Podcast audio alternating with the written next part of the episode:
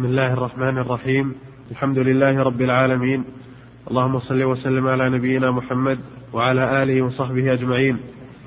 قال المصنف رحمه الله تعالى وعن النعمان بن بشير رضي الله تعالى عنهما قال سمعت رسول الله صلى الله عليه وسلم يقول وأشار وفي رواية وأهوى النعمان بإصبعيه إلى أذنيه. إن الحلال بين وإن الحرام بين وبينهما أمور مشتبهات لا يعلمهن كثير من الناس فمن اتقى الشبهات استبرأ لدينه وعرضه ومن وقع في الشبهات وقع في الحرام كالراعي يرعى حول الحمى يوشك أن يرتع فيه ألا وإن لكل ملك حمى ألا وإن حمى الله محارمه ألا وإن في الجسد مضغة إذا صلحت صلح الجسد كله. وإذا فسدت فسد الجسد كله ألا وهي القلب. بسم الله الرحمن الرحيم. الحمد لله رب العالمين. صلى الله وسلم على نبينا محمد وعلى آله وأصحابه أجمعين.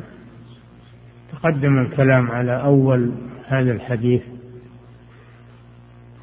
وفيه بيان موقف المسلم من الحلال والحرام والمشتبه. أما الحرام أما الحلال فإنه يأخذه الحلال البين يأخذه الحرام البين يتجنبه من باب الوجوب. يجب عليه أن أن يترك الحرام. والحلال البين هو بالخيار. شاء يأخذ وإن شاء يترك. لكن الحرام يتجنبه قوله صلى الله عليه وسلم وما نهيتكم عنه فاجتنبوه. قول الله تعالى وما آتاكم الرسول فخذوه وما نهاكم عنه فانتهوا. وأما المشتبه وهو الذي لم يتبين حله أو حرمته. نظرا لأن الإنسان لا يدري لأنه يجهل هذا الأمر أو لأن الأدلة فيه مختلفة فيحتاج إلى أهل العلم لينظروا في هذه الأدلة.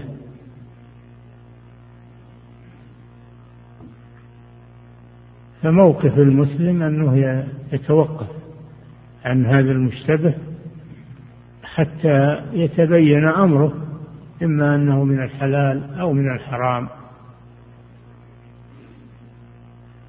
وبين صلى الله عليه وسلم أن كثيرا من الناس لا يعلمون حكم المشتبه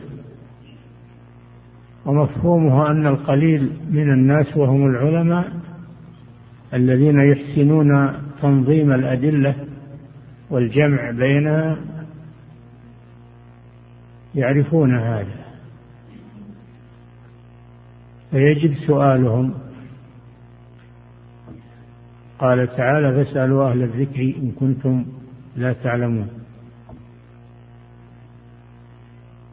ثم ضرب صلى الله عليه وسلم لذلك مثلا بالراعي يرعى حول الحمى. مثلا للذي ياخذ المشتبهات في الراعي الذي يرعى حول الحمى الذي حماه ولي الأمر أو حماه ذو سلطة عن الناس لا يرعون فيه فيأتي راع فيرعى حوله ولا يملك الغنم أن تتفلت وترعى في الحمى فيقع تحت طائلة العقوبة من صاحب الحمى وهو الذي سبب على نفسه ذلك. لو ابتعد عن الحمى لسلم. هذا مثال محسوس ضربه النبي صلى الله عليه وسلم. حمى الله محارمه. فالإنسان لا يقع حول حمى الله خشية أن يقع فيه.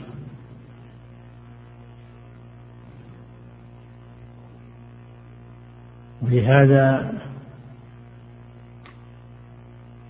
قال الله جل وعلا تلك حدود الله فلا تقربوها.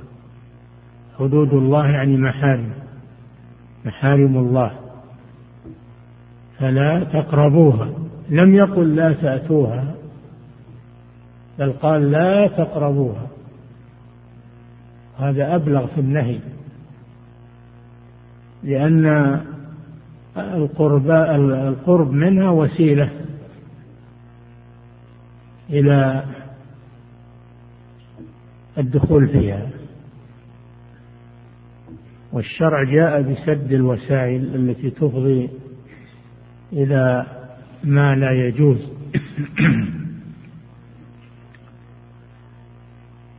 حمى الله الذي حماه وحرمه محارمه التي حرمها على الناس لمصالحهم ولم يحرم شيئا من أجل تعذيبهم أو التضييق عليهم. وإنما حرم أشياء تضرهم فمنعهم منها رحمة بهم.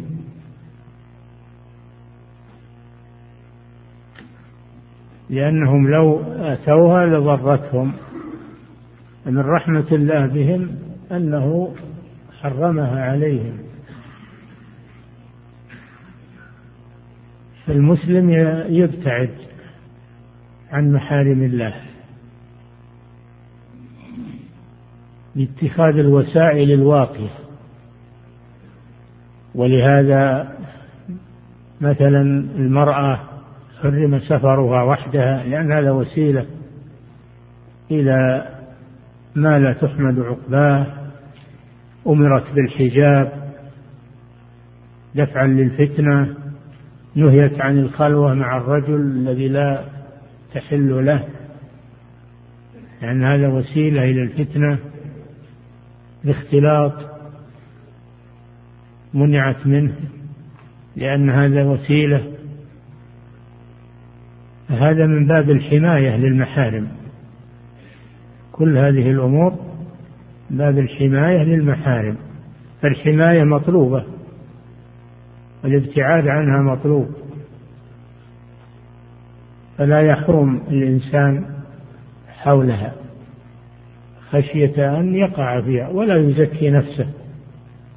ويقول أنا عالم وأنا أدري وأعرف. لا يزكي نفسه. إن النفس لأمارة بالسوء. إلا ما رحم ربي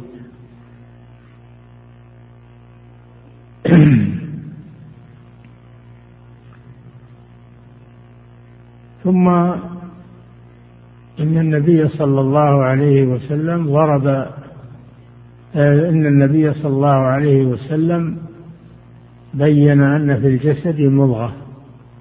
إذا صلحت هذه المضغة وهي القطعة من اللحم صلح الجسد كله. وإذا فسدت فسد الجسد كله. ما هي؟ قال هي ألا وهي القلب. ألا وهي القلب. ما المناسبة في مجيء ذكر القلب في آخر هذا الحديث؟ لا والله أعلم لأن الحرام يؤثر على القلب. إذا أكل الحرام أو تغذى به أو واقع الشبهات فإن هذا يؤثر على قلبه. لا يفسد قلبه. وبالتالي يفسد بدنه كله. ما معنى الفساد هنا؟ هل معناه إن القلب يفسد يعني ما يصلح للبقاء يعتل يحتاج إلى عملية أو يموت صاحبه؟ لا ما هو هذا هو القصد. هذا يسمى المرض العضوي لكن المرض المعنوي أشد. وهو أن القلب يتأثر ويقسو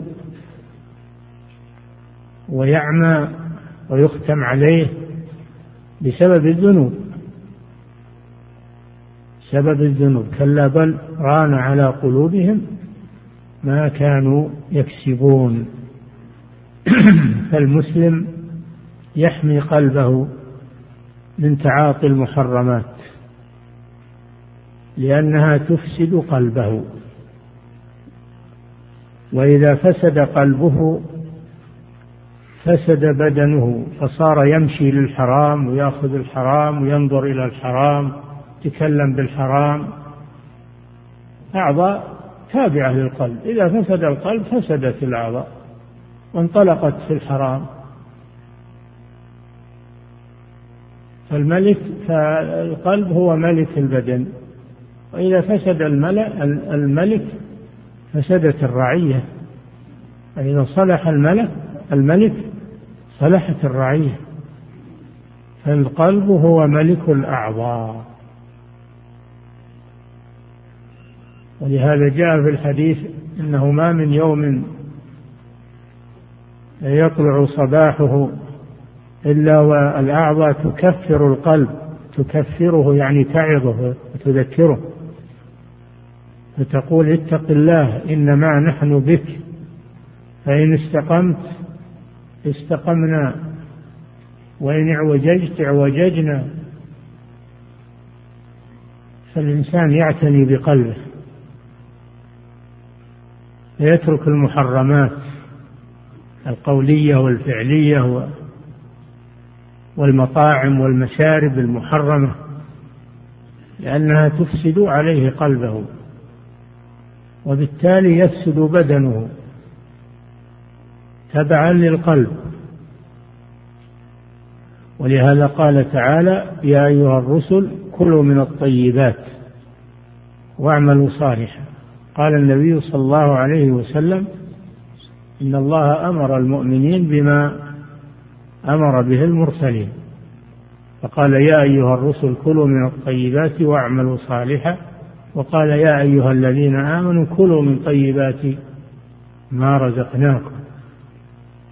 فالطيبات تؤثر على القلب صلاحا واستقامة وتغذيه تغذية طيبة والمباحات والمحرمات تغذيه تغذية خبيثة. المحرمات تغذي القلب تغذية خبيثة. والمباحات الطيبات تغذي القلب تغذية طيبة. فعلى المسلم أن يتذكر هذا. ولا تخدعه المطامع وأنك ستثري بيومين وتصير صاحب ثروة وهذه مكاسب عظيمة لا تفوتك. عليه أنه يفكر في هذه المكاسب وهذه التصرفات هل هي شرعية ولا غير شرعية؟ إن كانت شرعية فلا مانع أما إن كانت غير شرعية أو ما يدري عنها وهو يتركها. ولا يحمله الطمع على المغامرة في الكسب دون أن يعرف هل هو من الحلال أو من الحرام أو من المشتبه. الإنسان في عافية فلا يقحم نفسه في شيء لا يستطيع التخلص منه في المستقبل. نعم. وعن أنس بن مالك رضي الله تعالى عنه قال أنفجنا أرنبا بمر الظهران فسعى القوم فلغبوا. لغبوا. فسعى القوم فلغبوا وأدركتها فأخذتها. فأتيت بها أبا طلحة فذبحها وبعث إلى رسول الله صلى الله عليه وسلم بوركها أو فخذها فقبله. نعم. هذا الحديث فيه أن الأرنب أنها حلال فمناسبة ذكره في باب الأطعمة لأنه يدل على أن الأرنب من الصيد وأنها حلال. أنها حلال. هذا وجه سياق الحديث في هذا الباب. قوله لغبوا يعني تعبوا واللغوب هو التعب. ولقد خلقنا السماوات والأرض وما بينهما في ستة أيام وما مسنا من لغوب يعني من تعب. بل ذلك يسير على الله جل وعلا. وما مسنا من لغوب.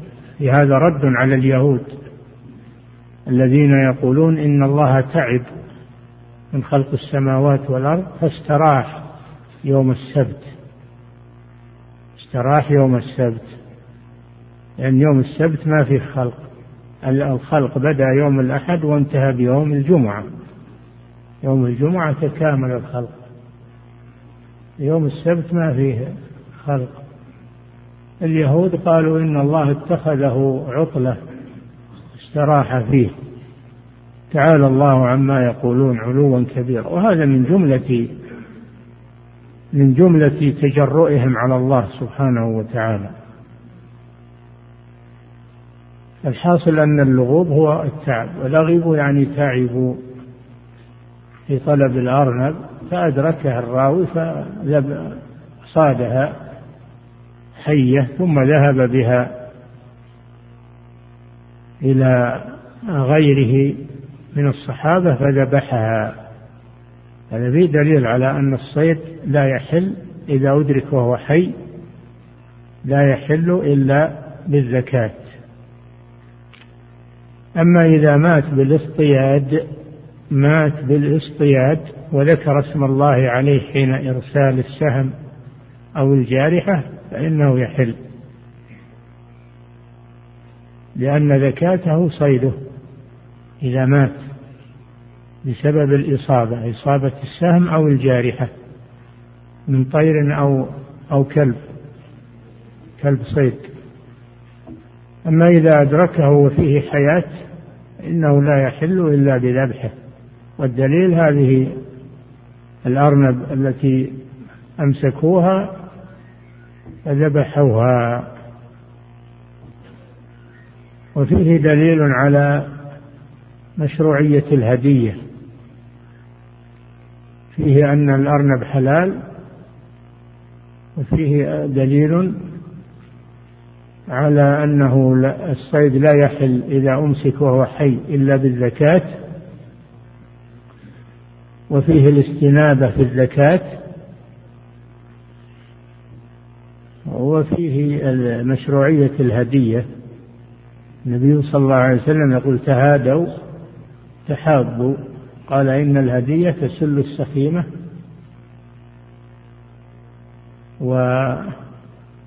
والهدية تسل السخيمة يعني ما في القلوب من تهاجر و نعم. قال وفيه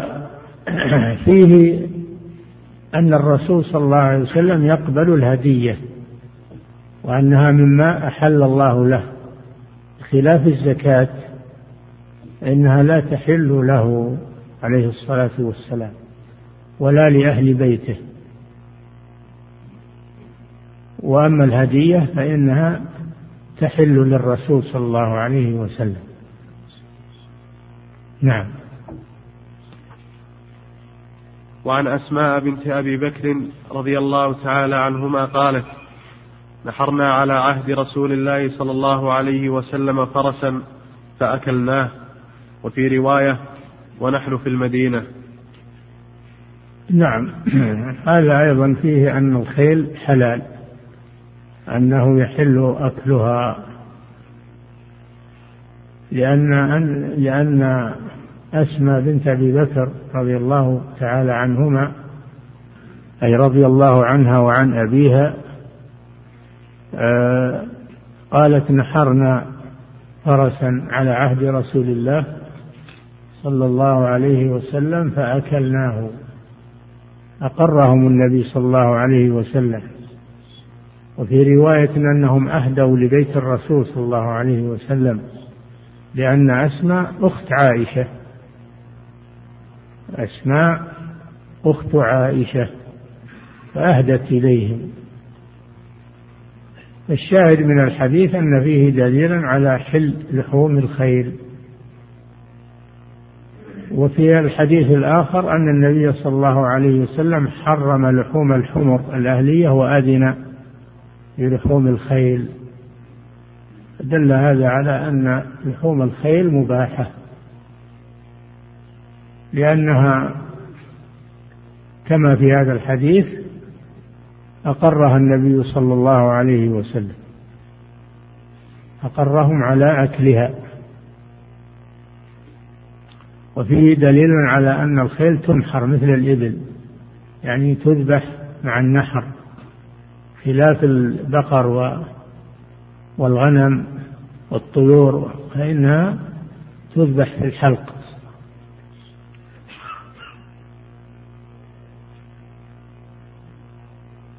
ومن العلماء من ذهب إلى تحريم لحوم الخيل كالمالكية مستدلين بأن الله لما ذكر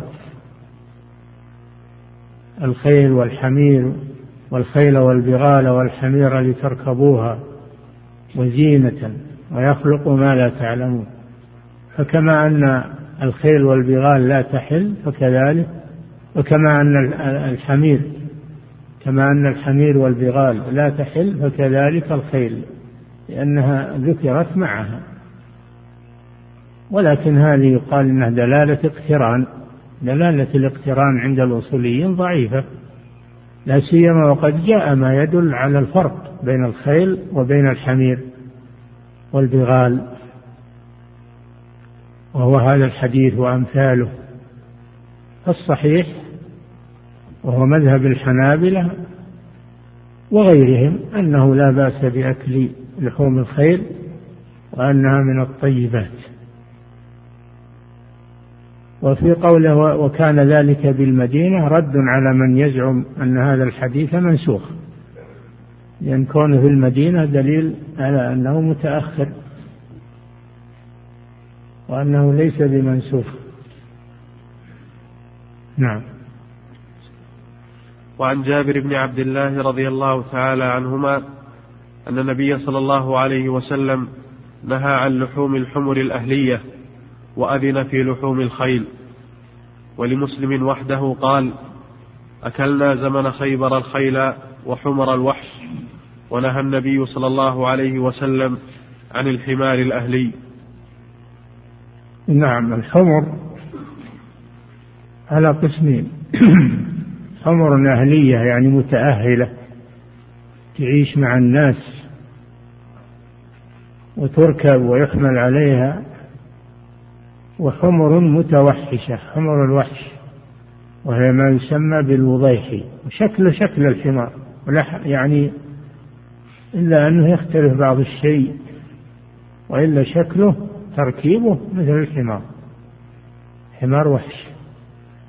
حمار الوحش حلال وهو ما لا يعيش إلا في البر ويتوحش من الناس ويهرب. أما الحمر الأهلية فهذه تعيش مع الناس ومتأهلة.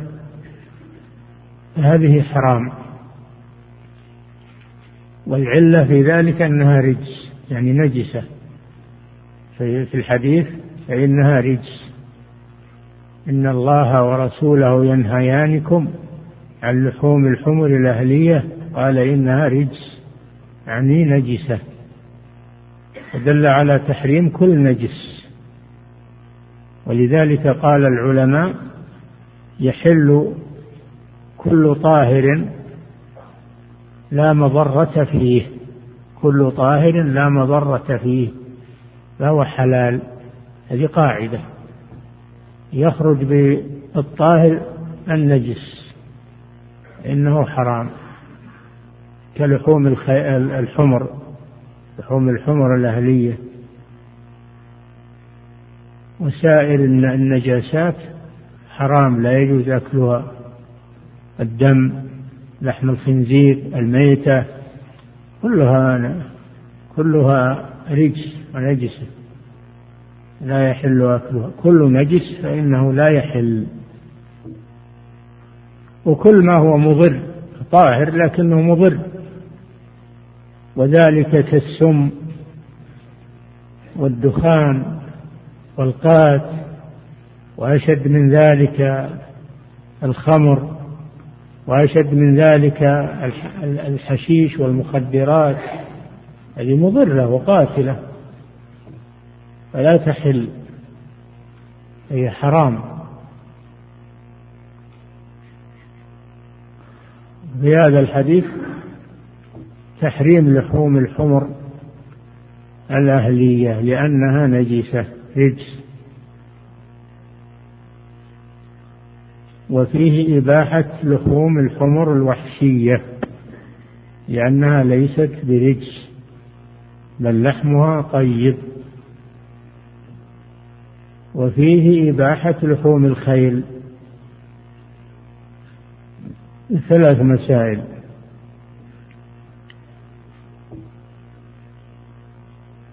كانوا في حصار خيبر أصاب الصحابة مجاعة لأنه طال الحصار ونفدت أزوادهم.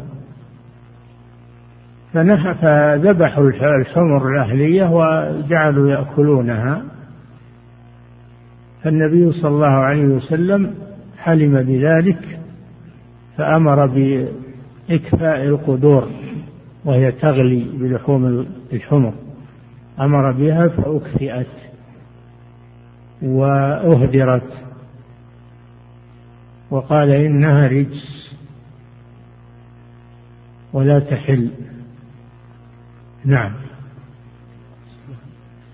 وعن عبد الله بن أبي أوفى قال أصابتنا مجاعة ليالي خيبر فلما كان يوم خيبر وقعنا في الحمر الأهلية فانتحرناها فلما غلت بها القدور نادى منادي رسول الله صلى الله عليه وسلم أن أكفئوا القدور وربما قال ولا تأكلوا من لحوم الحمر الأهلية شيئا.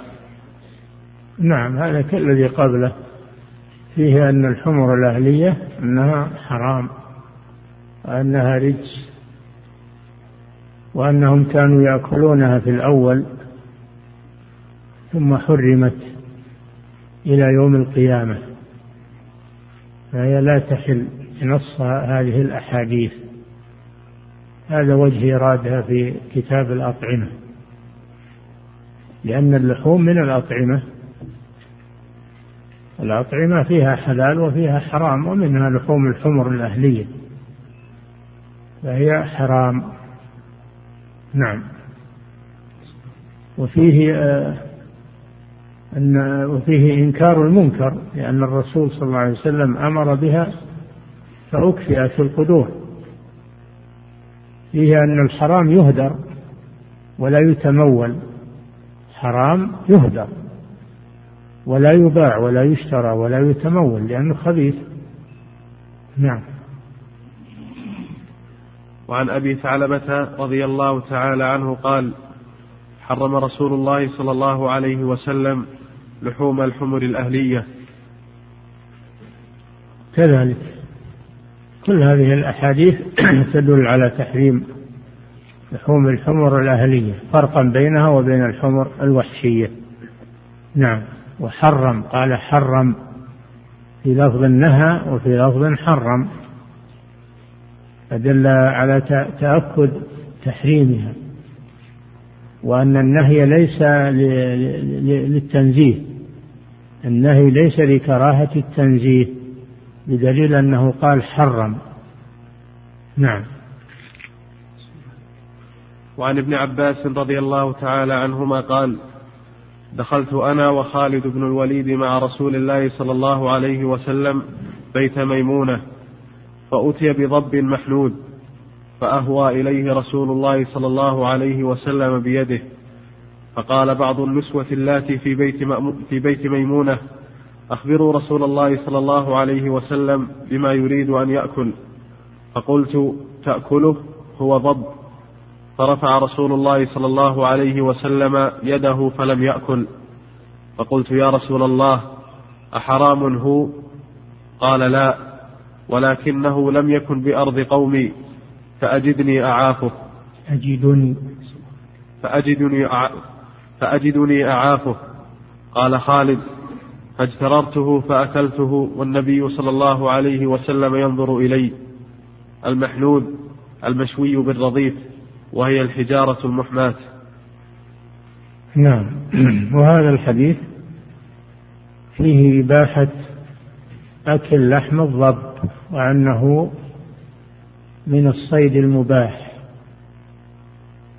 لأنه من الطيبات ويتغذى بالأعشاب والأشياء الطيبة ألا يأكل القاذورات والأنجاس فهو طيب غذاؤه طيب فهو حلال.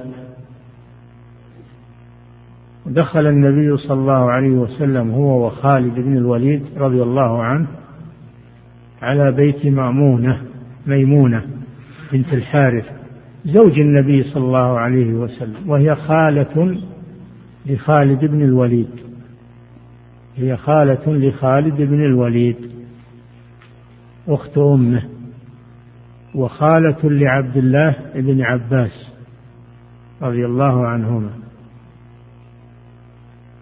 فقدموا ضبا محنوذا يعني مشويا. الحنيذ جاء بعجل حنيذ يعني مشوي على الحجارة الرضف يعني الحجارة.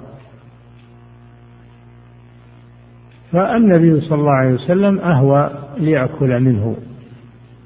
فلما أخبروه أنه ضب توقف عنه. فسأله خالد رضي الله عنه هل هو حرام؟ قال لا. لكنه ليس بأرض قومي يعني ليس بأرض الحجاز. أرض الحجاز ما تجد فيها الضب ما يعيش فيها إنما يعيش في البراري كبلاد نجد وبلاد التي بعيدة عن أرض الحجاز.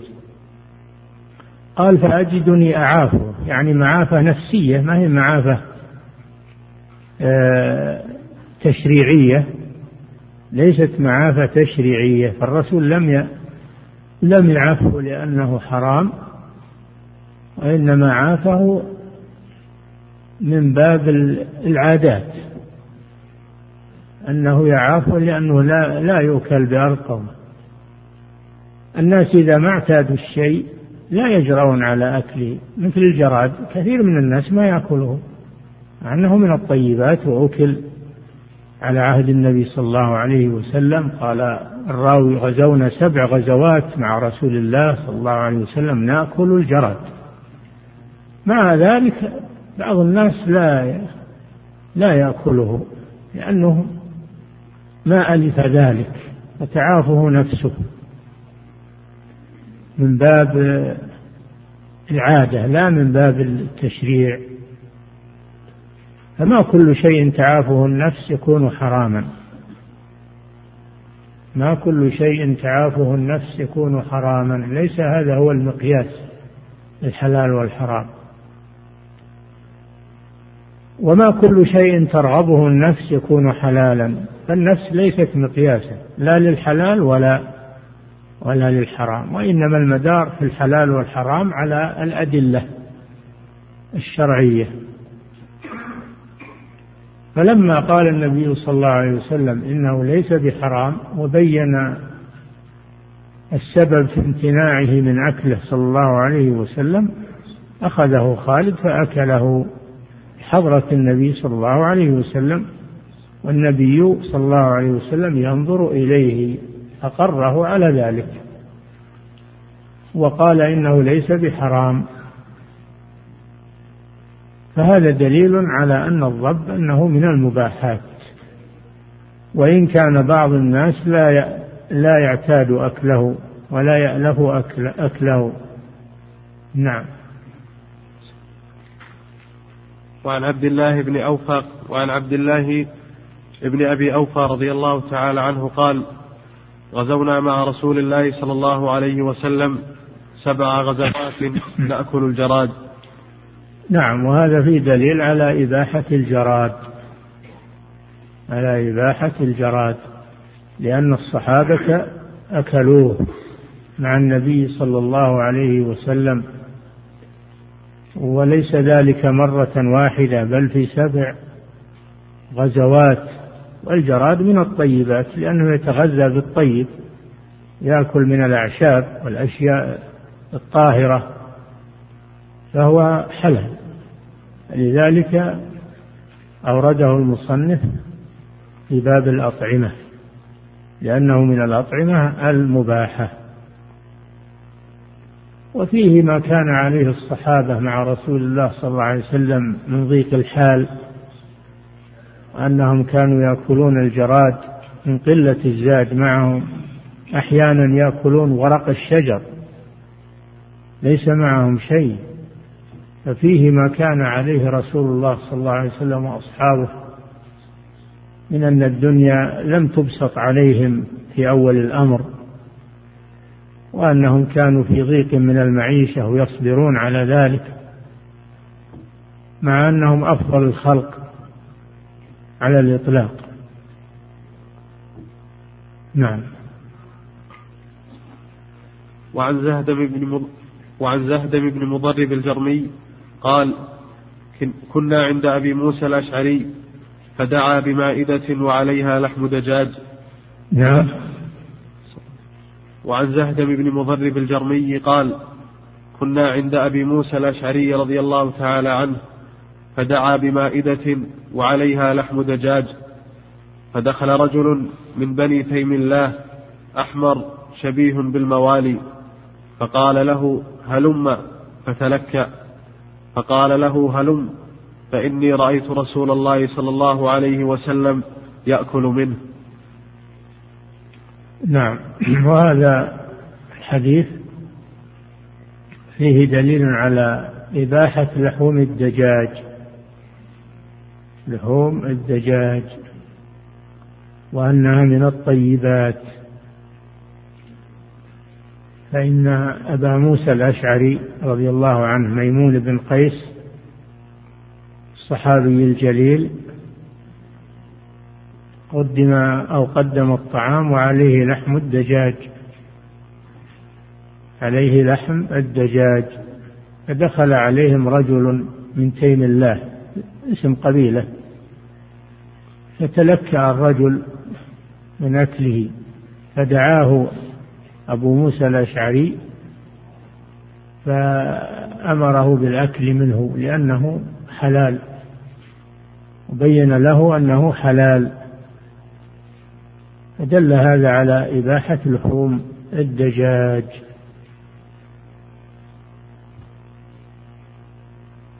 وهذا أمر مجمع عليه بين أهل العلم مجمع عليه بين أهل العلم لم يخالف فيه أحد. لكن ربما أن هذا الرجل لم يألف أكله. وهذا موجود إلى الآن. بعض الأعراب وبعض البادية يأنف من أكل الدجاج. وإذا قدم له دجاج يغضب. ويزعم أن هذا ما هو بقدر له. لازم يقدم له. ولا أيضا يقبل لحم يجاب له لحم لازم يقدم له ذبيحة. ذبيحة مذبوحة من أجله. فالحاصل أن الناس يعني عادات الناس ما هي بحجة.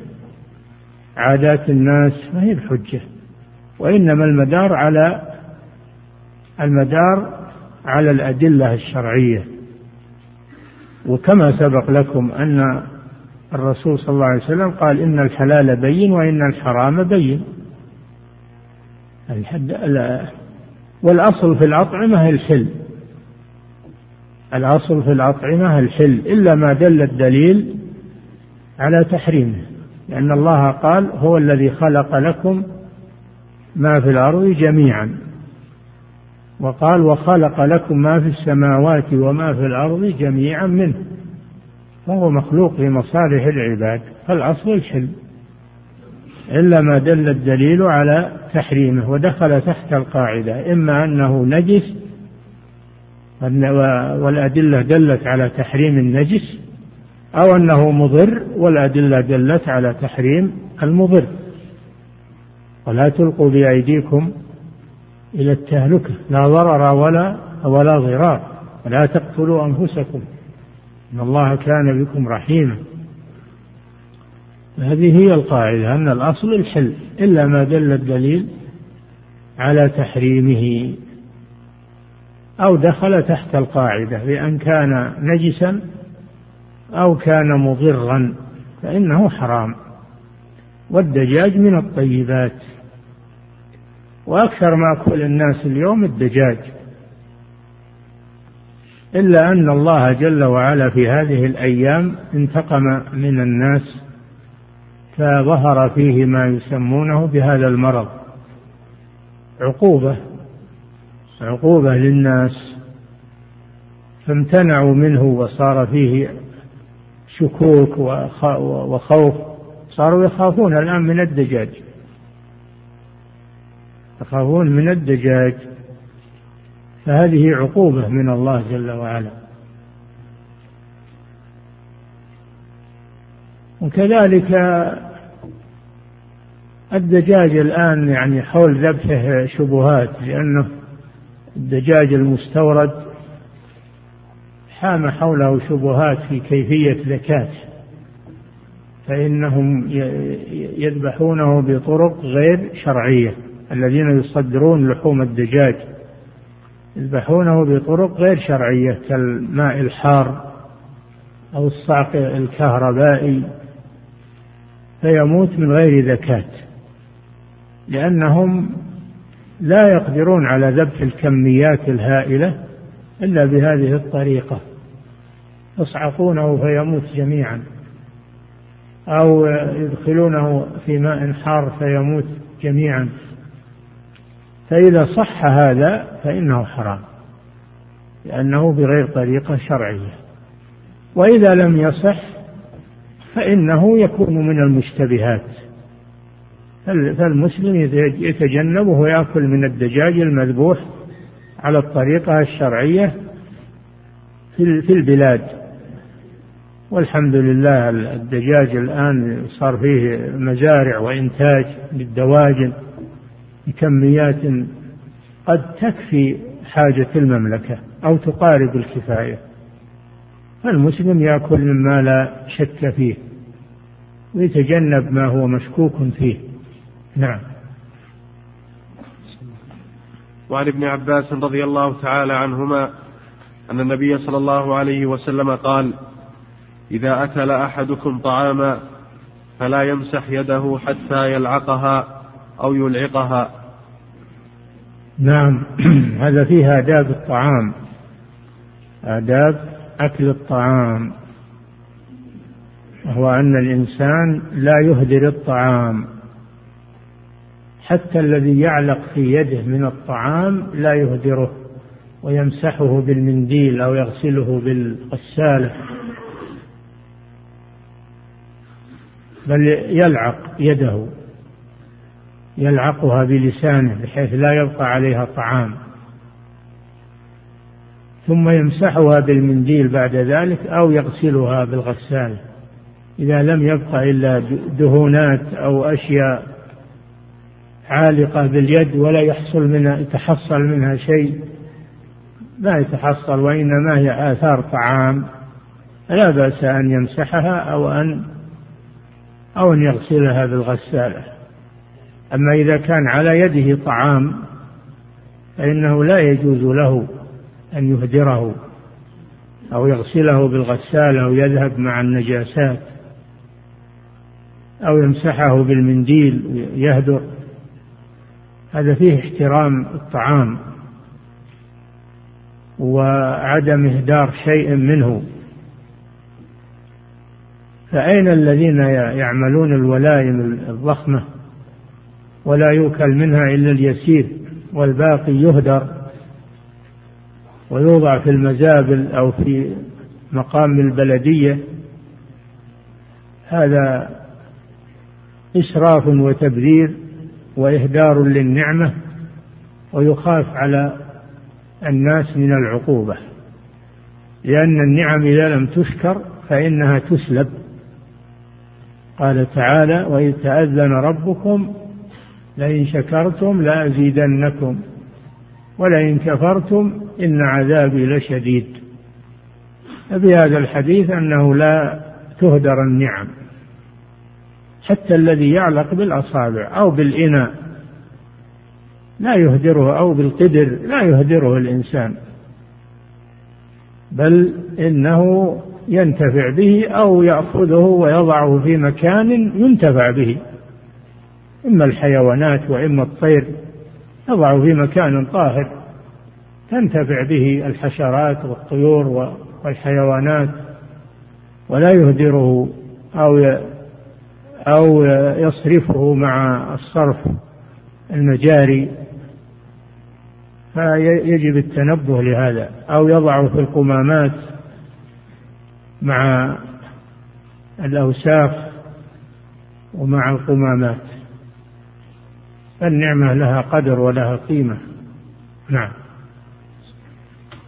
قال رحمه الله تعالى باب الصيد. نعم الصيد مصدر مصدر صاد يصيد صيدا. والمراد به هنا المصيد فهو من إطلاق المصدر على الذات. الصيد معناه المصيد. والصيد هو نوع أحد نوعي اللحوم. اللحوم إما أن تكون مذكاة وهي المقدور عليها فلا بد من تذكيتها وإما أن تكون غير مقدور عليها فزكاتها باصطيادها. زكاتها باصطيادها. وكذلك الحيوان الأهلي كالبعير إذا ند يعني شرد أو وقع في بئر ولم يتمكن من زكاته فحكمه حكم الصيد يعقر في أي مكان من بدنه هذه زكاته. الصيد يعقر في أي مكان من بدنه وهذه زكاته إذا مات بذلك أو جرحه الجارح ومات فإنه اصطياده زكاته يحل بذلك. قال تعالى فكلوا مما أمسكن عليكم واذكروا اسم الله عليه.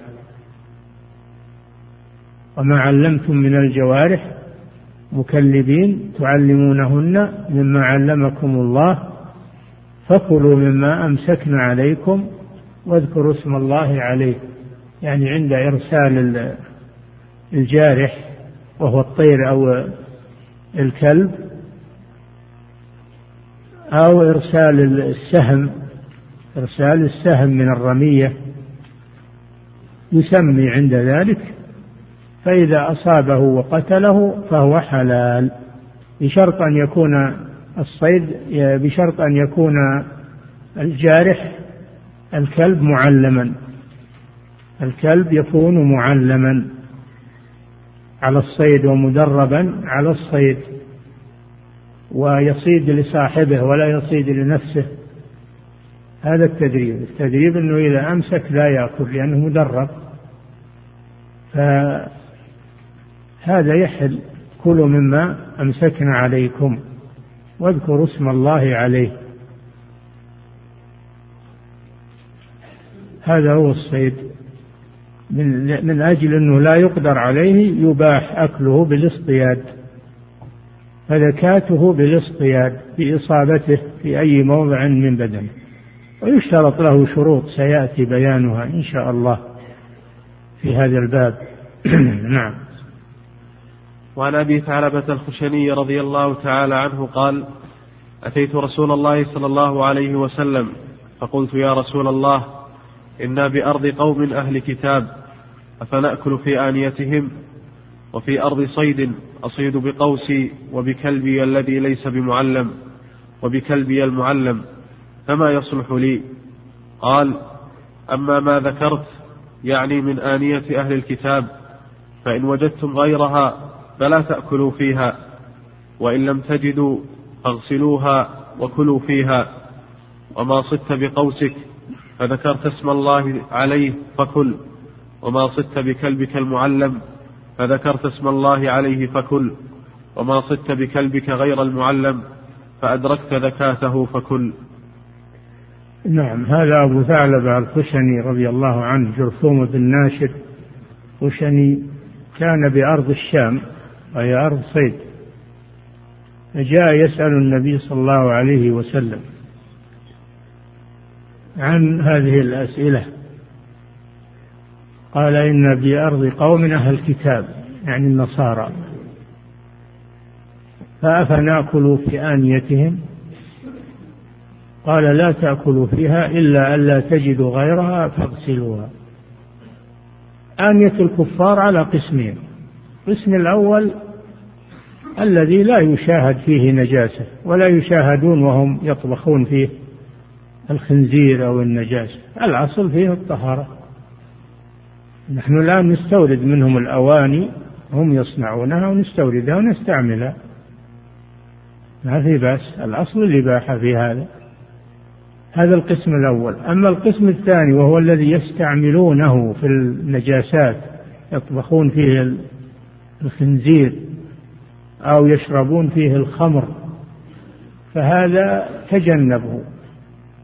إلا ألا تجد غيره فاغسله. وأزل ما فيه من آثار النجاسة ثم استعمله. هكذا أرشد النبي صلى الله عليه وسلم. فهذا فيه الانتفاع بأموال الكفار. استعارتها منهم أو شراءها منهم أو الاستيلاء عليها في الغنيمة. أننا نستعملها ولا نهدرها. ثم سأله عن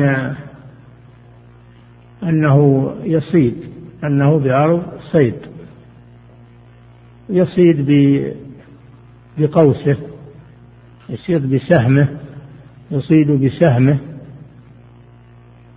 ويصيد بكلبه المعلم وكلبه غير المعلم. المعلم المراد به المدرب المدرب على الصيد. فإن الكلب يقبل التعليم. يدرب ويتدرب على هذا ويقبل التعليم بسرعة.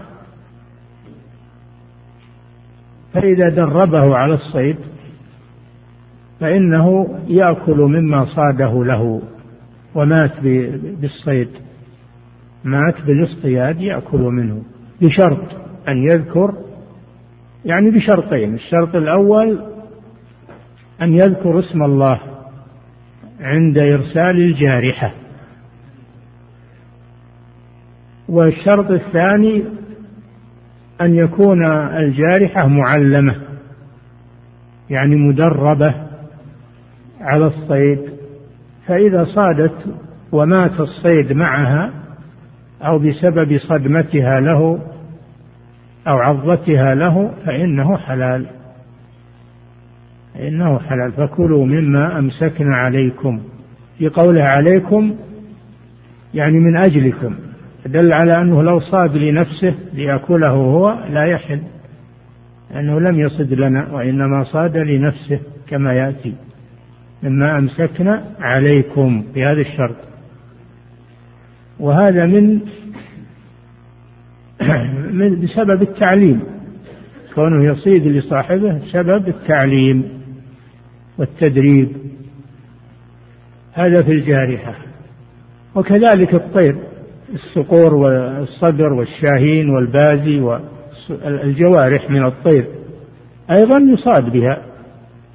فإذا صادت ومات الصيد بضربتها له بمخلبها فإنها تحل. الصيد يحل. بشرط أن يذكر اسم الله عند إرسال الجارحة. عندما يطلق الطير يشوف الصيد يطلق الطير عليه الصيد يضرب الطير يضرب الصيد فيقتله يصير حلال لصاحبه.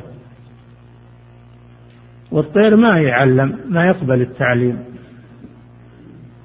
إنما هذا في الكلاب. مكلبين يعني متخذين للكلاب. التعليم إنما هو للكلاب أما الطير فهو لا يقبل التعليم. لكن الله ألهمه أنه يصيد لصاحبه من الإلهام. فهذا إذا ذكر اسم الله عليه عند الإرسال فإنه يأكل. يأكل من فكلوا مما أمسكنا عليكم واذكروا اسم الله عليه. أما إذا كان الكلب غير معلم يعني غير مدرب فإنه لا يحل ما صاده. إلا إن أدركه وهو حي فإنه يزكيه ويأكله. أما إن أدركه وهو ميت وصائده غير معلم فهو حرام. نعم. قال وما صدت بكلبك المعلم فذكرت اسم الله عليه فكل. وما صدت بكلبك كلبك المعلم. المعلم هذا شرط. والشرط الثاني ذكرت اسم الله عليه. متى؟ عند الإرسال. نعم. وما صدت بكلبك غير المعلم فأدركت ذكاته فكل. أي فأما إذا أدركته ميتا فإنه لا يحل لأنه لم يتوفر فيه الشرط وهو التعليم. نعم. وعن همام بن الحارث. يكفي. نعم.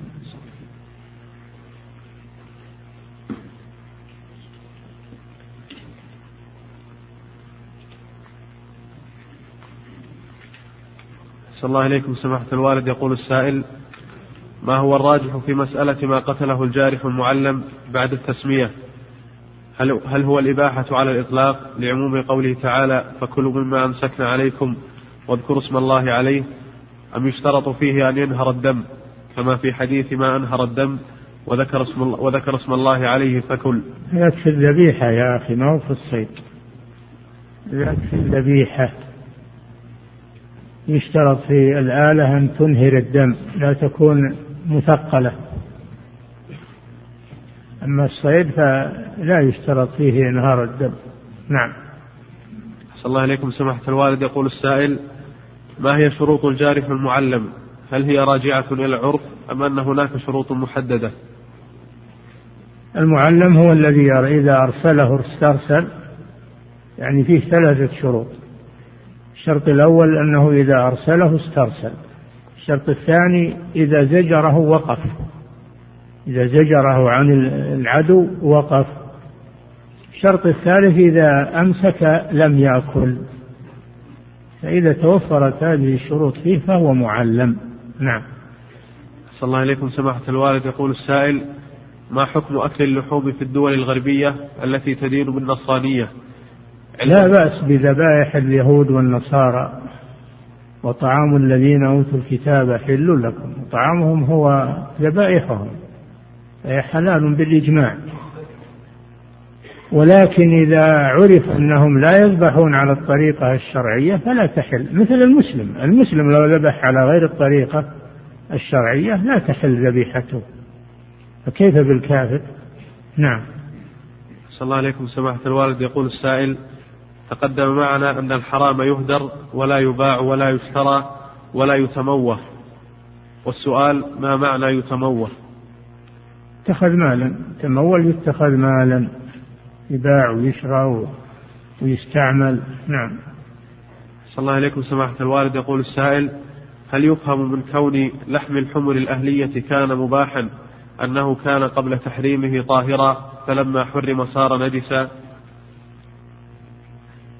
كنتم تعلمون أن التحريم بعد بعثة الرسول صلى الله عليه وسلم يحل لهم الطيبات ويحرم عليهم الخبائث. فما كان قبل بعثة الرسول صلى الله عليه وسلم فإنه حكمه حكم ما كان قبل التشريع. ما كان قبل التشريع لا يؤاخذ عليه. لأنه لم يأتهم دليل على منعه. فيكون باق على الأصل. فإذا جاء الدليل والمنع يمتنعون. نعم. هم باقون على الأصل. أنه لا مانع من أكل لحوم الحمر الأهلية. باقين على الأصل. نعم.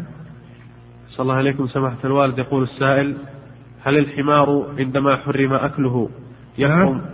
يقول هل الحمار عندما حرم أكله يحرم ثمنه وبيعه لأنه نجس؟ لا إله إلا الله. كلامنا في الأكل أكل لحمه فقط. أما بيعه وشراؤه هذا بالإجماع جائز. وكانوا يبيعون الحمير ويشرونها من عهد الرسول صلى الله عليه وسلم. والرسول كان يركب الحمار. معاذ يقول كنت رديف النبي صلى الله عليه وسلم على حمار. لا بأس بالركوب والخيل والبغال والحمير. لتركبوها وزينة ويخلق ما لا تعلمون. مسألة الركوب والاستعمال لا بأس بها ولا بأس ببيعها وشرائها لهذه الأمور إنما المحرم أكلها فقط. نعم. صلى الله عليكم. سماحة الوالد يقول السائل في قوله تعالى أحل لكم صيد البحر وطعامه هل يشمل خنزير البحر وكلب البحر؟ كل ما لا يعيش إلا في البحر فهو من صيد البحر. لأنه لا دليل على الاستثناءات. هم قالوا أن التمساح والحية أنها لا تؤكل لكن ما في دليل على هذا. الله جل وعلا عمم فقال أحل لكم صيد البحر وصيده ما لا يعيش إلا فيه. أما التمساح أنه يعيش في البر والبحر. فيغلب عليه جانب الحظر أما ما لا يعيش إلا في البحر فهذا حلال. نعم دون استثناء. نعم. صلى الله عليكم سماحة الوالد. يقول السائل كيف يجمع بين قاعدة الأصل في اللحوم التحريم وقاعدة الأصل في الأطعمة الحل؟ هو بالأصل في اللحوم؟ الأصل في الذبائح الذبائح التحريم. إلا إذا ذكيت على طريقة شرعية. لأن الشارع وضع لها شروطا. فالأصل في الذبائح التحريم إلا ما ذكي على الطريقة الشرعية. نعم. صلى الله عليكم سماحة الوالد. يقول السائل هناك من يذبح الدجاج ذكاة شرعية ولكنه يرميه في قدر يغلي لسلخ الجلد دون أن يغسل ما أصاب ريشه من الدم المسفوح الخارج منه فيختلط به. لا بأس بذلك ما في مانع لأن الماء يغسله الماء الذي يغلي يغسل الدم نعم. صلى الله عليكم سماحة الوالد يقول السائل ما حكم أكل الصقنقور يقول ما حكم أكل, أكل الصقنقور يقول لأنه يوصف علاجا لكثير من آلام الظهر. والله ما أدري عنه ما ما أعرف فيه شيء. نعم. صلى الله عليكم سماحة الوالد يقول السائل يوجد في بعض المناطق بالمملكة فروق بين الحمير وشكلها مثل الأهلية ولكنها متوحشة فهل هذه داخلة في الحمر الوحشية؟ إيش؟ يقول أحسن الله إليكم يوجد في بعض المناطق فروق بين الحمير وبعضها شكلها مثل الأهلية ولكنها متوحشة فروق إيش؟ بين الحمير أي حمير؟ حمير الوحش ولا الحمير الإنسية؟ ها؟ أطلق هكذا. حمر الأهلية حرام بجميع أنواع ما بينها فروق. الحمر الوحشية ما بينها فروق أيضا كلها حلال. حمر الوحشية كلها حلال. حمر الأهلية كلها حرام. نعم. صلى الله عليكم سماحة الوالد يقول السائل هل بيع الأسهم وشراؤها الآن يعد من فعل المشتبهات؟ اللي ما تعرف عن طريقته ولا تعرف عن تعامله هذا من المشتبهات. نعم. صلى الله عليكم. حتى تتأكد من طريقته وتعامله خلوه من الربا ومن القمار. نعم. أحسن الله إليكم. سماحة الوالد يقول السائل إذا كانت آنية الكفار التي يطبخون فيها النجاسة نظيفة فهل نغسلها؟ وهل الأمر تعبد؟ نظيفة وهي يطبخون بها يطبخون بها خنزير تقول نظيفة. ما هي بنظيفة؟ فيها آثار آثار الخنزير. نعم. أحسن الله إليكم سماحة الوالد. يقول السائل موضع موضع عضة الكلب للصيد هل تقطع؟ تسامح فيها يا أخي يتسامح فيها. لعاب كلب الصيد آه، يتسامح فيه ولا يغسل. ما ورد أنهم كانوا يغسلون عضة كلب الصيد. هذا من التشدد الذي ما أمر الله به. نعم.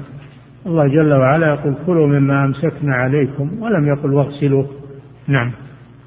صلى الله عليكم سماحة الوالد. يقول السائل قول النبي صلى الله عليه وسلم في حديث النعمان من وقع في الشبهات وقع في الحرام هل يدل على أن كل من وقع في الشبهات فإنه سيقع في الحرام؟ أم أنه أكثر من يقع في الشبهات يؤول به الأمر إلى الوقوع في الحرام؟ ما دام الرسول صلى الله عليه وسلم يقول من وقع في الشبهات وقع في الحرام فنحن نقول ما قاله الرسول صلى الله عليه وسلم. ونقول كل مسلم يتجنب الشبهات. نعم. أحسن الله إليكم سماحة الوالد. يقول السائل جاء حديث أسماء في الصحيحين بلفظ نحرنا وفي لفظ لهما ذبحنا. فهل يقال إنه يجوز النحر ويجوز الذبح في الخيل؟ حتى الإبل يجوز فيها الذبح ويجوز فيها النحر لكن الأولى النحر. الأولى فيها ولهذا قالوا لو ذبح ما ينحر أو نحر ما يذبح جاز أكله. نعم. أحسن الله إليكم سماحة الوالد. يقول السائل في قول الراوي فنادى منادي رسول الله صلى الله عليه وسلم أن أكفئ القدور. دليل على تحريم لحوم الحمر الأهلية. حتى وإن كان لحاجة لأنهم أصابتهم مجاعة يوم خيبر. ما ما ما هذه حاجة ما هي بضرورة. لا يباح المحرم إلا عند الضرورة إلا ما اضطررتم إليه. وهذه ما هي ما هي بضرورة. هذه حاجة الحاجة لا تبيح المحظور. المكروه يباح عند الحاجة أما المحرم لا ما يباح إلا عند الضرورة. نعم. نعم. أحسن الله إليكم سماحة الوالد يقول السائل هل الحمر الوحشية هي الحمر المخططة بالأبيض والأسود؟ منها منها المخطط ما هو بلازم أنها تصير مخططة لكن منها منها ذلك. نعم. أحسن الله إليكم سماحة الوالد يقول السائل إذا صاد الحمر الوحشية هي التي لا تعيش إلا في البر هذه الوحشية؟ نعم. يقول إذا صاد الصقر بعد أن أطلقته وذكرت اسم الله عليه وأكل من الصيد فهل يجوز أكله؟ لا إذا أكل فلا تأكل هذا بنص الحديث. فإن أكل فلا تأكل فإنه إنما صاد لنفسه. نعم. الله جل وعلا يقول مما أمسكنا عليكم عليكم. نعم. أحسن الله إليكم سماحة الوالد. يقول السائل ما هو القول الصحيح في أكل لحم الثعلب والضبعة؟ أما الضبعة ففيها دليل. على أنها حلال وأنها صيد. وأما الثعلب فمحل خلاف بين العلماء. محل خلاف بين العلماء والأشبه والله أعلم أنه من الحرام. نعم. أحسن الله إليكم سماحة الوالد. يقول السائل ما حكم أكل البرمائي وما حكم أكل الضفدع؟ الضفدع منهي عنه. والقاعدة أن كل ما كل ما أمر النبي بقتله لا يحل. وكل ما نهى عن قتله لا يحل. هذه قاعدة. نهى عن أكل الضفدع عن قتل الضفدع والهدهد والصرد. هذه لا يحل أكلها لأن الرسول نهى عن قتلها. وما أمر النبي صلى الله عليه وسلم بقتله فإنه يحرم أيضا. نعم. أحسن الله إليكم سماحة الوالد. يقول السائل خمس فواسق يقتلن في الحل والحرم. وذكر منها الغراب والحدأة و... نعم. صلى الله إليكم سماحة الوالد يقول السائل ما حكم أكل لحم الوبر؟ وكذلك وبر الوبر نعم بإسكان الباء. صلى الله عليكم. يقول ما حكم أكل لحم الوبر؟ وكذلك النيس. أما الوبر فهو حلال لأنه دويبة تأكل من الأعشاب ومن فهو حلال. وأما النيص وهو كبير القنافذ هذا حرام. يعني جاء في حديث لأنه من الخبائث. نعم. أحسن الله إليكم سماحة الوالد. يقول السائل هل يفهم من حديث أبي ثعلبة أنه يجوز الإقامة والعيش في بلاد أهل الكتاب؟ أنه؟ هل يفهم من حديث أبي ثعلبة أنه يجوز الإقامة والعيش في بلاد أهل الكتاب؟ أهل الكتاب هذول ذميين بعد ما بعد ما دخلوا تحت ولاية المسلمين. هذا والله أعلم لأنهم صاروا ذميين وأعطوا العهد للرسول صلى الله عليه وسلم الذين كانوا في الجوف في دومة الجندل. أعطوا العهد للرسول صلى الله عليه وسلم ودفعوا له الجزية فهم ذميون. نعم. صلى الله عليكم سماحة الوالد يقول السائل هل إذا ورد في الشرع لفظ أحل أنه يدل على أن الحكم قبل الإباحة التحريم. نعم. يقول أحسن الله إليكم هل إذا ورد في الشرع لفظ أحل أنه يدل على أن الحكم قبل الإباحة التحريم؟ لا. أحل متى أحل؟ ما بين متى؟ ما قال أحل لكم الآن. أحل قد يكون من أول ما خلق الله الدنيا. نعم. أحسن الله إليكم سماحة الوالد يقول السائل مع ظهور الأسهم ظهر أناس يحللون وآخرون يحرمون وأصبح الناس لا يدرون من يتبعون وقد يدخل بعض الناس في شركات ربوية بحجة من حللها. فما هو موقف المسلم في هذه الأحوال؟ موقف المسلم يتجنبها اتقاء الشبهات قد استبرأ لدينه وعرضه. نعم. أحسن الله إليكم سماحة الوالد. يقول السائل هل يلزم في الصيد في الطيور ونحوها أن يراق الدم فلو صاد طيرا ولم يخرج منه دم ثم مات فهل يجوز لي أكله؟ أم لا بد من أن يذكيه ويخرج منه الدم؟ اشتراطكم خروج الدم هذا من أدري منين جبته الله جل وعلا يقول فكلوا مما أمسكنا عليكم ولم يقل وخرج منه دم. لا تزيدون تجيبون شيء من عندكم. نعم. أحسن الله عليكم سماحة الوالد يقول السائل إنني أخاف أن ألمس الضب فكيف بأكله؟ فهل هذا من الخوف المذموم؟ والله بهواك يعني. تدرب عليه وتمسكه إن شاء الله. نعم. أحسن الله عليكم سماحة الوالد يقول السائل ما رأيكم في الأكل بالملعقة؟ لا بأس بذلك. لا بأس بذلك خصوصا إذا كنت تحتاج إليها. لا بأس بذلك. نعم. أحسن الله إليكم سماحة الوالد. يقول السائل هل يشترط في الآلة التي يصاد بها أن تكون حادة؟ وهل يجوز قتل الصيد بحجر كبير؟ هذا بيأتي إن شاء الله. باب الزكاة بيأتي به. نعم. أحسن الله إليكم سماحة الوالد. يقول السائل هل كل ما يباح أكله يكون بوله وروثه طاهر؟ هذه قاعدة. أنه ما حل أكله فبوله وروثه ومنيه طاهر. بدليل أن الرسول صلى الله عليه وسلم أمر العرنيين أن يذهبوا لما أصابتهم الحمى أن يلحقوا بإبل الصدقة ويشربوا من أبوالها وألبانها. كونه أمرهم أن يشربوا من أبوالها دليل على أنها طاهرة. يلحق بها كل ما أبيح أكله. نعم. أحسن الله إليكم سماحة الوالد. يقول السائل شروط المعلم الثلاثة. هل لا بد أن تنطبق على الصقور؟ تنطبق على الصقور. وراك تقول أن تنطبقوا. ها؟ تنطبق أحسن الله عليك. ها؟ هل لا بد أن تنطبق على الصقور؟ تنطبق بالفتح. لأن أن لأن أن تنصب ما بعدها. نعم.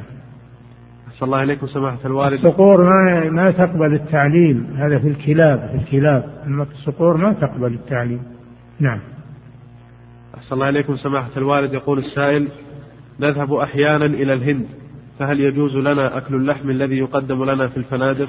نعم. يقول أحسن الله إليكم نذهب أحيانا إلى الهند فهل يجوز لنا أكل اللحم الذي يقدم لنا في الفنادق؟ ما علمتم أنه من ذبح المسلمين أو من ذبح أهل الكتاب وأنه على الطريقة الشرعية فكلوا. أما ما لم تعلموا فهذا مشتبه اتركوه. خذوا من لا لا الذي لا يحتاج إلى زكاة كالسمك مثلا. نعم. أحسن الله إليكم. سماحة الوالد يقول السائل إذا هربت الشاة ونحوها هل يجوز صيد؟ إذا هربت الشاة ونحوها فهل يجوز صيدها؟ الشاة ما ما تهرب هربا يعجز الناس هذاك البعير. البعير هو اللي يهرب ويعجزون عن مساكه فيطلق عليه الرصاص وإذا جرح في أي مكان فإن هذا زكاة. قال صلى الله عليه وسلم ما ندى منها فاصنعوا به هكذا. يعني رميه بالسهم. أما الغنم ما تعجزهم أنهم يمسكونه نعم. أحسن الله إليكم سماحة الوالد. يقول السائل إذا أمسك بالصيد بعد إصابته وهو لا يزال حيا فهل يذكى وإذا ترك حتى مات بسبب إصابته فهل يحل أكله؟ إن كانت حياته مستقرة بحيث لو ترك يعيش فإنه لا بد من زكاته. أما إذا كانت إصابته قاتلة ويتحرك حركة المذبوح فلا يشترط تذكية. نعم. أحسن الله إليكم سماحة الوالد. يقول السائل الدجاج المستورد يكتب عليه مذبوح على الشريعة الإسلامية. فهل هذا يكفي بحله أم يعتبر من الشبهات؟ كتابة ذي على الغلاف والغلاف مطبوع عليه من قديم. مطبوع على الغلاف من قديم بالمطبعة ما هو ب... ما يدل على أن هالحيوان اللي فيه أنه مذكى على الطريقة الإسلامية. فلا تكفي الكتابة هذه. لابد من التأكد عن طريقة الذبح. نعم. أحسن الله إليكم سماحة الوالد. يقول السائل هل لعاب كلب الصيد نجس ويجب فيه غسل الثياب سبع مرات وأولهن بالتراب؟ هو كلب وريقه ريق الكلب لكن يتسامح في وجوده على الصيد يتسامح فيه دفعا للحرج. يتسامح فيه دفعا للحرج. أما في غير الصيد فهو كسائر الكلاب. نعم. أحسن الله إليكم سماحة الوالد. يقول السائل إذا نسي التسمية عند إرسال الجارح فهل يجوز أكل الصيد؟ المذهب لا ما يجوز. إلا من ترك التسمية عمدا أو سهوا في الصيد لا تحل. لكن الصحيح أنه يجوز. قوله تعالى ربنا لا تؤاخذنا إن نسينا أو أخطأنا. ولأن المسلم ما ترك التسمية تعمدا هي في باله وفي نيته لكن نسيها فلا فلا يؤثر هذا لأنها في قلبه وفي نيته عند المسلم. نعم. أحسن الله إليكم سماحة الوالد. يقول السائل المتمتع الذي لا يقدر على الهدي متى يبدأ بالصيام؟ يبدأ بالصيام في أيام الحج سواء قبل يوم عرفة أو بعد يوم العيد. الحادي عشر والثاني عشر والثالث عشر أيام التشريق. وإن صامها قبل يوم عرفة هذا أحسن. نعم. أحسن الله إليكم. سماحة الوالد. أو هو الواجب. لما تصام أيام التشريق عند الضرورة. إذا لم إذا فات الوقت ولم يتمكن من الفدية فإنه يصوم أيام التشريق من باب الرخصة له. لم يرخص في أيام التشريق أن يصمن إلا عن دم متعة أو قران فهو من باب الرخصة. نعم. ما هو بالخيار؟ يقول بصوم يوم قبل عرفة ولا أيام؟ ما هو بالخيار. نعم. أحسن الله إليكم سماحة الوالد. يقول السائل أريد الحج أنا ومجموعة من أهلي وحجزنا مع أحد الحملات. يقول بعد التأكد منهم تبين من أن موقعهم في بداية مزدلفة من جهة منى. علما بأن الخيام مستأجرة من المطوفين والخيام متصلة مع الخيام التي في منى فهل يجوز الإباتة فيها أيام التشريق؟ لا. لابد من من المبيت في منى. تبيت تبقون فيها في النهار ما يخالف في النهار. وبالليل تدخلون منى تمشون وتبيتون فيها. ترجعون لخيامكم بالنهار ما يخالف. نعم. أحسن الله إليكم سماحة الوالد يقول السائل إذا وصل الحاج إلى مكة فجر يوم التروية فهل الأفضل له التمتع أم القران؟ لأن الوقت أصبح ضيق فلا ينتهي من العمرة إلا صباح اليوم الثامن حيث أن أكثر الحملات تتأخر في السفر فلا يصل الحاج إلا آخر الليل من ليلة يوم التروية. ما يخالف ولو لو أدى العمرة أول يوم عرفة لو أدى العمرة حتى لو أدى العمرة بعد العصر أو بعد المغرب وجاء العرفة قبل طلوع الفجر يكون متمتعا إذا لم يتمكن من الوقوف بالنهار يقف بالليل إلى وقت طلوع الفجر. فلو اعتمر في يوم عرفة ثم جاء إلى عرفة بعد غروب الشمس وبقي فيها شيئا من الليل يكفي هذا يجزي. نعم ما هو بالوقت ضيق. نعم. أحسن الله إليكم سماحة الوالد. يقول السائل من أراد أن يحج متمتعا ولكنه لم ينتهي من أعمال العمرة إلا في بداية اليوم الثامن فهل يحل إحرامه؟ فهل يحل إحرامه ثم يحرم للحج في نفس الوقت؟ أم كيف يعمل؟ إحلال الإحرام بمعنى فسخ النية لا بد منها أما تغيير اللباس ولبس هذا ما هو بلازم ما هو بلازم لكن ينوي التحلل ينوي التحلل والخروج من العمرة. ولو كانت عليه ملابس الإحرام واستمرت ونوى الحج نوى الحج وهي عليه لا بأس بذلك. نعم. أحسن الله إليكم سماحة الوالد. يقول السائل هل يجوز الإحرام للحج من منى؟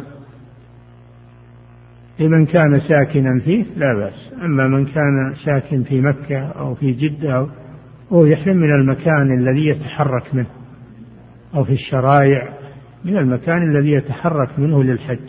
نعم. أحسن الله إليكم. سماحة الوالد يقول السائل هل يقصر ويجمع الحاج الصلوات في أيام التشريق في منى؟ يقصر نعم. وأما الجمع فلا داعي له. الرسول عليه الصلاة والسلام لم يجمع في منى. يصلي كل صلاة في وقتها قصرا بلا جمع. نعم. أحسن الله إليكم. سماحة الوالد يقول السائل هل يجوز للمرأة أن تمشط شعرها بعد دخول العشر إذا أرادت أن تضحي؟ المشط والغسل لا بأس به. لكن ترفض ما يسقط من الشعر. إذا سقط بغير اختيارها فلا, شيء به لا مانع أنها تغسل رأسها وأنها تمشط بالمشط. مع الترفق لئلا يسقط منه شعر. نعم. أحسن الله إليكم. سماحة الوالد يقول السائل نحن في بلد السويد وهو بلد نصراني فهل يجوز لنا أن نأكل في المطعم ونأكل اللحوم ونسمي الله عليها؟ بدون السؤال. تسمية الله عليها ما تكفي عن الذبيح. التسمية على الذبيحة عند الذبح. أما التسمية عند الطعام هذه تسمية على الطعام ما هي على الزكاة. فلا يكفي هذا. فإذا علمتم أن هذه الذبائح أنها مذبوحة على الطريقة الشرعية ولو هي من ذبائح النصارى تأكلون منها. أما إذا أشكل عليكم واشتبه عليكم تجنبوها. يعني ثلاث حالات. الحالة الأولى أن تعلموا أنها على غير الطريقة الشرعية فلا تحل. الطريقة الثانية أو الحالة الثانية أن تعلموا أنها ذكيت على الطريقة الشرعية وكلوا منها. الحالة الثالثة أن لا تدروا لا هذا ولا هذا هذه مشتبه تتجنبونها. نعم. أحسن الله إليكم. سماحة الوالد يقول السائل ما حكم مقاطعة منتوجات الكفار خاصة لمن كانت لهم عداوة واضحة على الإسلام والمسلمين؟ هذه من صلاحيات ولي الأمر. إذا أمر بمقاطعة دولة فإننا نقاطعها لأن هذا ينكي الدولة المقاطعة. أما الأفراد هم يفرحون إذا قاطعتهم ولا تضرهم؟ أنت قاطعهم والناس يأخذون منهم. ما, ما تسوي شيء أنت وحدك. فلا بد أن يكون هذا بأمر ولي الأمر وأن الدولة كلها تقاطع هذه الدولة الكافرة. حتى يكون لذلك تأثير عليها. نعم. أسأل الله إليكم. سماحة الوالد يقول السائل هل زيارة قبر الوالدين بعد موتهما من البر بهما؟ الدعاء لهما من البر بهما بالزيارة وفي غيرها. السلام عليهما والدعاء لهما ما لا شك أنه من البر بهما. الإحسان إليهما الله تعالى أعلم وصلى الله وسلم على نبينا محمد وعلى آله.